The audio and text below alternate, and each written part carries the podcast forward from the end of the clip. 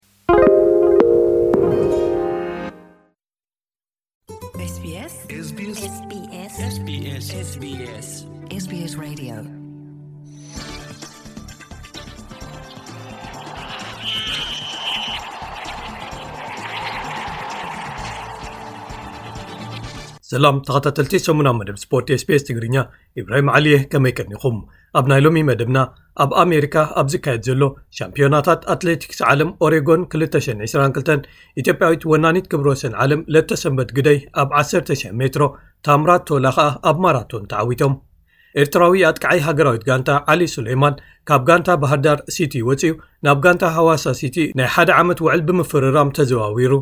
ፕሬዚደንት ኮንፈደሬሽን ኩዕሶ እግሪ ኣፍሪቃ ፓትሪስ ሞትሰፐ ዝሓለፈ ሰሙን ናብ ኢትዮጵያ ምብጻሕ ፈጺሙ ምስ ፕሬዚደንት ሳህለ ወርቂ ዘውደ ተራኺቡ ኣብ ቅድዲ ምሽክለታ ጂሮ ቺክሊስቶ ዴላ ቫሌዳ ኦሳ ኢትዮጵያዊ ወላይ ሓጎስ በርሀ ካብቶም ዝለዓሉ ዓሰርተ ብሉፃት ተቐዳደምቲ ኮይኑ ክውድእ እንከሎ ዙር ፈረንሳ ብመሪሕነት ጆናስ ቪንገጋርድ ካልኣይ ሰሙኑ ኣጠናቒቑ ዝብሉ ገለ ትሕሶታት ንምልከቶም እዮም ሰናይ ምክትታል ኣብ ኦሬጎን ፖርትላንድ ሕቡራት መንግስታት ኣሜሪካ ኣብ ዝካየድ ዘሎ ሻምፒዮናታት ኣትለቲክስ ዓለም ኦሬጎን 222 ኣብ ውድድር 10,00 ሜትሮ ደቂ ኣንስትዮ ኢትዮጵያዊት ወናኒት ክብረ ወሰን ዓለም ለተሰንበት ግደይ ተዓዊታ ለተሰንበት ኣብ ቻምፒዮናታት ኣትለቲክስ ዓለም 219 ኣብ ዱሓን ኣብ ውድድራት ኦሎምፒክስ ቶክዮ ዝሓለፈ ዓመትን ኣብ መወዳእታ ናይቲ 25 ዙራት ዘለዎ ውድድር ምርሕ ውዒላ ኣብ ናይ መወዳእታ ዙራት በታ ብናህሪ ዝተወንጨፈት ኔዘርላንዳዊት ሲፋን ሓሰን ክትቅደም ክኢላ እያ ኣብዚ ናይ ኦሬጎን ውድድር እውን ናብታ ናይ መወዳእታ ዙር ኣብ ዝኣተወትሉ ሃንደበት ሲፋን ብጎድና ከተንጸላልዋ እንከላ ኣስተውዒላ። ዘይከምቲ ናይ ቀደም ግን ሲፋን ዝተረፋ ሓይሊ ስለ ዘይነበረን፣ ለተሰንበት ከኣ ስና ነኺሳ ብምውንጫፍ መዛዘሚ መስመር ቀዲማ ብምርጋጽ ዓወታ ከተረጋግጽ ክኢላ። ሲፋን እተን ዝተረፋ ካልኦት ተቐናቐንቲ ሜዳልያ ከይተረፋ ቀዲመንኣ ራብዐይቲ ጥራይ ክትወጽእ ክኢላ። ለተሰንበት ነተን ካልኦት መቐናቐንታ እውን መኪታ 30 ደቂቕን ትሽዓተ ካልኢትን ተስዓን ኣርባዕተን ንኡስ ካልኢትን መዕወቲ ግዜ ብምምዝጋብ ናይ ፈለማ ወርቂ መዳልያ ከተመዝግብ ክኢላ ኬንያዊት ሄለን ኦቢሪ ካልኣይቲ ወፅያ ብሩር መዳልያ ክትስለም እንከላ ጓል ዓዳ ማርጋሬት ቸሊሞ ኪፕኮምቦይ ሳልሰይቲ ወፅያ ንሓስ ተሰሊማ ንኢትዮጵያዊት እጅጋዮ ታየ ቀዲማ ኤርትራዊት ራሄል ዳንኤል ብሉፅ ውልቃዊ ግዜን ሓድሽ ክብረ ወሰን ሃገርን ብምምዝጋብ ዝነኣድ ሓምሸይቲ ክትወፅእ እንከላ ካልእ ኢትዮጵያዊት ቦሴና ሙላቴኻ ሻሙነይቲ ክትወፅእ ክኢላ ድሕሪ ምዝዛም እቲ ውድድር ካብ ሃገራዊት ጋንታ ኬንያ ለተሰንበት ኩርናዕ ኢዳ ተጠቒማ ንሄለን ኦቢሪ ሃሪማ ደፊኣታ ዝብል ክሲ ቀሪቡ እኳ እንተነበረ ኣብቲ ውፅኢት ፅልዋ ዘይነበሮን ኣካል ናይቲ ውድድርን እዩ ተባሂሉ ብዓብላሊ ድምፂ ናይ ምንፃግ ውሳኔ ከም ዝተዋህቦ ተፈሊጡ ኣሎ ብወገን ደቂ ተባዕትዮ ኬንያዊ ኤልዮድ ኪፕቾገ ክዕወት እንከሎ ወዲ ዓዱ ስታንሊ እምቡርን ኡጋንዳዊ ጃኮብ ኪፕሊሞን ካልኣይን ሳልሳይን ወፅኦም ኢትዮጵያዊ ሰሎሞን ባሬጋ ኣብ ገለ ክፋላት ናይቲ ውድድር መሪሕነት ሒዙ ይምርሽ እኳ እንተነበረ ኣብ መወዳእትኡስ ሓሙሻይ ጥራይ ክወፅእ ክኢሉ ተዓዋቲ ኤልዮድ ኪፕቾገ ድሕሪ ሃይለ ገብረ ስላሰ ቀነኒሳ በቀለን ሞ ፋራሕን ኣብ ሻምፒዮናታት ዓለም ኣከታቲሉ ንኻልኣይ ግዜ ዝተዓወተ ራብዓይ ኣትሌት ኮይኑ ኣሎ ብኻልእ ወገን ኢትዮጵያዊ ታምራት ቶላ ኣብ ሻምፒዮና ዓለም ኣትሌቲክስ ኦሬጎን 222 ኣብ ውድድር ጉያ እግሪ ማራቶን ተዓዊቱ ንሱ ነዚ ዓወት ዘመዝገቦ ካብ መበል 34 ኪሎ ሜትር ርሕቀት ውድድር በይኑ ተመርቂፉ ብምኻድ ኮይኑ ልዕሊ ሓደ ደቂቕ ፍልልይ ፈጢሩ ብ2 ሰዓትን 5 ነጥቢ 37 ካልኢትን ግዜ ሓድሽ መዝገብ ሻምፒዮናታት ብምምዝጋብ እዩ ንሱ ነቲ ናይ ንግሆ ሰዓት 6 ርብዕን ዝሑል ኩነታት ኣየርን ከሎ ዝተጀመረ ውድድር ዝፈጠሮ ምቹእ ኩነታት ተጠቒሙ ቀጻሊ ናህሪ ብምፍጣር ንተቐናቐንቱ በቲኑ ክሳብ መወዳእታ መስመር ዝበጽሕ ብዘይምቁራጽ መሪሹ ኣብ መበል 39 ኪሎ ሜትር ክበጽሕ እንከሎ ካብቲ ናይ ቀረባ መቐናቐንቱ ናይ ልዕሊ 46 ካልኢታት ፍልልይ ፈጢሩ ነይሩ በዚ መሰረት ከኣ ልዕሊ ሓደ ደቂቕ ድሒሩ ወዲ ዓዱ ሞስነት ገረሞ ካልኣይ ብምእታው ኢትዮጵያ ተኸታቲላ ክልቲኦም ዝለዓሉ መዳልያታት ክትዓትር ገይሩ ሶማልያ ዝመበቀሉ ቤልጂማዊ በሽር ኣብዲ ኣብ ቶክዮ ኦሎምፒክስ ዘመዝገቦ ውፅኢት ብምድጋም ሳልሳይ ኣትዩ ናሓስ መዳልያ ዓቲሩ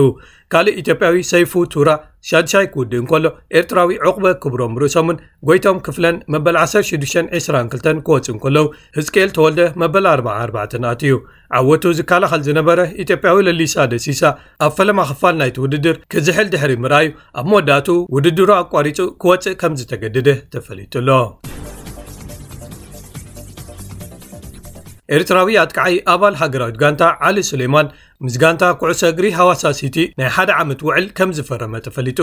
ንሱ ዝሓለፈ ዓመት ምስ ጋንታ ባህርዳር ሲቲ ቦኽሪ ውዕሉ ድሕሪ ምፍራሙ ቀዳማይ ወቕቱ ኣብ ቤት ኪንግ ፕሪምየር ሊግ ኢትዮጵያ ኣጠናቂቑ ዓሊ ጋንታ ሃዋሳ ነዚ ሓድሽ ወቕቲ ኢላ ካብ ተፈርሞም ዘላ ተጻወቲ ሻሙናይ ኮይኑ ኣሎ ከም ዝዝከር ዓሊ ንሃገራዊት ጋንታ ኤርትራ ትሕቲ 23 መንስያት ወኪሉ ኣብ ግጥማት ሴካፋ ብዘርኣዮ ልዑል ብቕዓት ተመሲጣ እያ ጋንታ ባህርዳር ሲቲ ምስኣ ክጻወት ኣፈሪማቶ ዝነበረት ብኻልእ ወገን ፕሬዚደንት ኮንፈደሬሽን ኩዕሶ እግሪ ኣፍሪቃ ወይ ካፍ ዶብ ኣፍሪቃዊ ፓትሪስ ሞትሰፐ ዝሓለፈ ሰሙን ናብ ኢትዮጵያ ምብጻሕ ብምግባር ምስ ፕሬዚደንት ሳለ ወርቂ ዘውደ ተራኺቡ ንሱ ኣካል ናይቲ ኣብ ዝተፈላለየ ሃገራት ዘካይዶ ጉዕዞ ኣዲስ ኣበባ ኣብ ዝጸንሓሉ ምስ ሚኒስተር ስፖርት ቀጀላ መርደሳ ፕሬዚደንት ፈደሬሽን ኩዕሶ እግሪ ኢትዮጵያ ኢሳያስ ጂራ ኣካየድትን ወነንትን ጋንታታት ኩዕሶ እግርን ገለ ኣባላት ንግድን ተራኺቡ ተዘራሪቡ። ንሱ ድሕሪ ናይ ኢትዮጵያ ጻንሖቱ ኣብ ዝቐጸሉ ኣርባዕተ መዓልታት ኣርባዕተ ካልኦት ሃገራት ማለት ደቡብ ሱዳን፣ ኡጋንዳ፣ ደሴታት ሴሸልስን ኣልጀርያን ክበጽሕ መደብ ተታሒዝሉ ከም ዝነበረ ተጸብጺቡ። እዞም ዑደታት ኣካል ናይቲ ዶክተር ሞትሴፔ ኣብ ኣፍሪቃ ንምምዕባልን ምዕባይን ኩዕሶ እግሪ ጥቡቕ ዝምድና ኣብ መንጎ መንግስታት፣ ማሕበረሰብ ንግድን መሪሕነታት ኩዕሶ እግርን ንምፍጣርን ንምሕብሓብን ዘካይዶም ጻዕርታት ምዃኖም ክፍሊ ርክባት ካፍ ምሕባሩ ተፈሊጡሎ ኣብ መወዳእታኻ ክቡራት ስማዕትና መበል 58 ቅድዲ ምሽክለታ ጅሮ ቺክሊስቲኮ ዴላ ቫሌ ዳኦስታ ዝሓለፈ ሰሙን ተኻይዱ ብዓወት ኣባል ጋንታ ኤኪፕ ኮንቲነንታለ ጉሩፓማ ኤፍdj ዝኾነ ፈረንሳዊ ሌኒ ማርቲነስ ተዛዚሙ ኣብዚ ሓሙሽተ መድረኻት ዝነበርዎ ቅድድም ኢትዮጵያዊ ኣባል ጋንታ ኢኤፍ ኤዱኬሽን ኒፖ ደቨሎፕመንት ቲም ወላይ ሓጎስ በርሀ ኣብ ቀዳማይ መድረኽ ሻባዓይ ኣብ ካልኣይ መድረኽ ከኣ ታሽዓይ ብምውፃእ ዝድነቕ ውፅኢት ኣመዝጊቡ ኣብ ሳልሳይ መድረኽ እውን መበል 11 ደረጃ ዝወደአ ክኸውን እንከሎ ኣብ ምዝዛም ናይቲ ውራይ ኣብ ሓፈሻዊ ምድባት ሻባዓይ ኮይኑ ብምውዳእ ተሳትፍኡ ካብቶም ዝለዓሉ ብሉፃት ዓሰርተ ተቐዳደምቲ ኮይኑ ዛዚምዎ ኣሎ ካብ ጋንታ ቲም ኩቤካ ኢትዮጵያዊ ነጋሲ ሃይሉ ኣብርሃን ኤርትራውያን ናሆም ዘራይን ኤፍሬም ገብሪ ህይወትን እውን ኣብቲ ውድድር ተሳቲፎም ነይሮም ናሆም ኣብ ካልኣይ መድረኽ ዝለዓለ ውፅኢቱ ዘመዝገበሉ መበል 11 ክኣቱ እንከሎ ኣብ ራብዓይ መድረኽ ግን ቅድድሙ ከጠናቕቕ ከይከኣለ ኣቋሪፂ ወፅዩ ነጋሲ ራብዓይ መድረኽ መበል 32 ኣትዩ ብሉፅ ውፅኢቱ ዘመዝገበሉ ኮይኑ ኣብ መወዳእቱ መበል 38 ደረጃ ኤፍሬም ከኣ ዝለዓለ ውጽኢቱ መበል ስሳን ሓደን ኣብ ራብዓይ መድረኽ ዘመዝገቦ ኮይኑ ኣብ መወዳእቱ መበል ስሳን ሸሞንተን ደረጃ ሒዙ ተሳትፍኡ ምዝዛሙ ተፈሊጡ ኣሎ ብኻልእ ወገን ዙር ፈረንሳ 222 መበል 15 ዝርዩ ኣካይዱ ይቕጽል ኣሎ ኣብዚ ጸለምቲ ኣፍሪቃውያን ዘይብሉ ተባሂሉ ነቐፌታታት ዝቐርበሉ ዘሎ ናይ ሎም ዓመት ዙር ሰንበት ቤልጂማዊ ኣባል ጋንታ ኣልፐሲን ዴቼ ኡኒንክ ያስፐር ፊሊፕሰን እዩ ተዓዊትዎ ወዲ ሃገሩ ዋት ፋናርት ካብ ጋንታ ጃምቦ ቪስማ ካልኣይ ወፅዩ ክሳብ ሕጂ ተኻይዶም ኣብ ዘለዉ ክልተ ሲሶ ዙራት እምበኣር ዴንማርካዊ ጆናስ ቪንገጋርድ ካብ ጋንታ ጃምቦ ቪስማ መሪሕነቱ ዓቂቡ ቢጫ ማልኡ ለቢሱ ክቕፅል እንከሎ ስሎቬንያዊ ታደይ ፖጋቻር ካብ ጋንታ ዩኤኢ ቲም ኤምሬት ኣውስትራልያዊ ገረይን ቶማስ ካብ ጋንታ ኢንዮስ ግሬናድየርስን ፈረንሳዊ ሮሞይን ባርዴ ካብ ጋንታ ቲም ዲስምን ካብ ካልኣይ ክሳብ ራብዓይ ዘሎ ተርታታት ብምሓዝ ይኽተልዎ ኣለዉ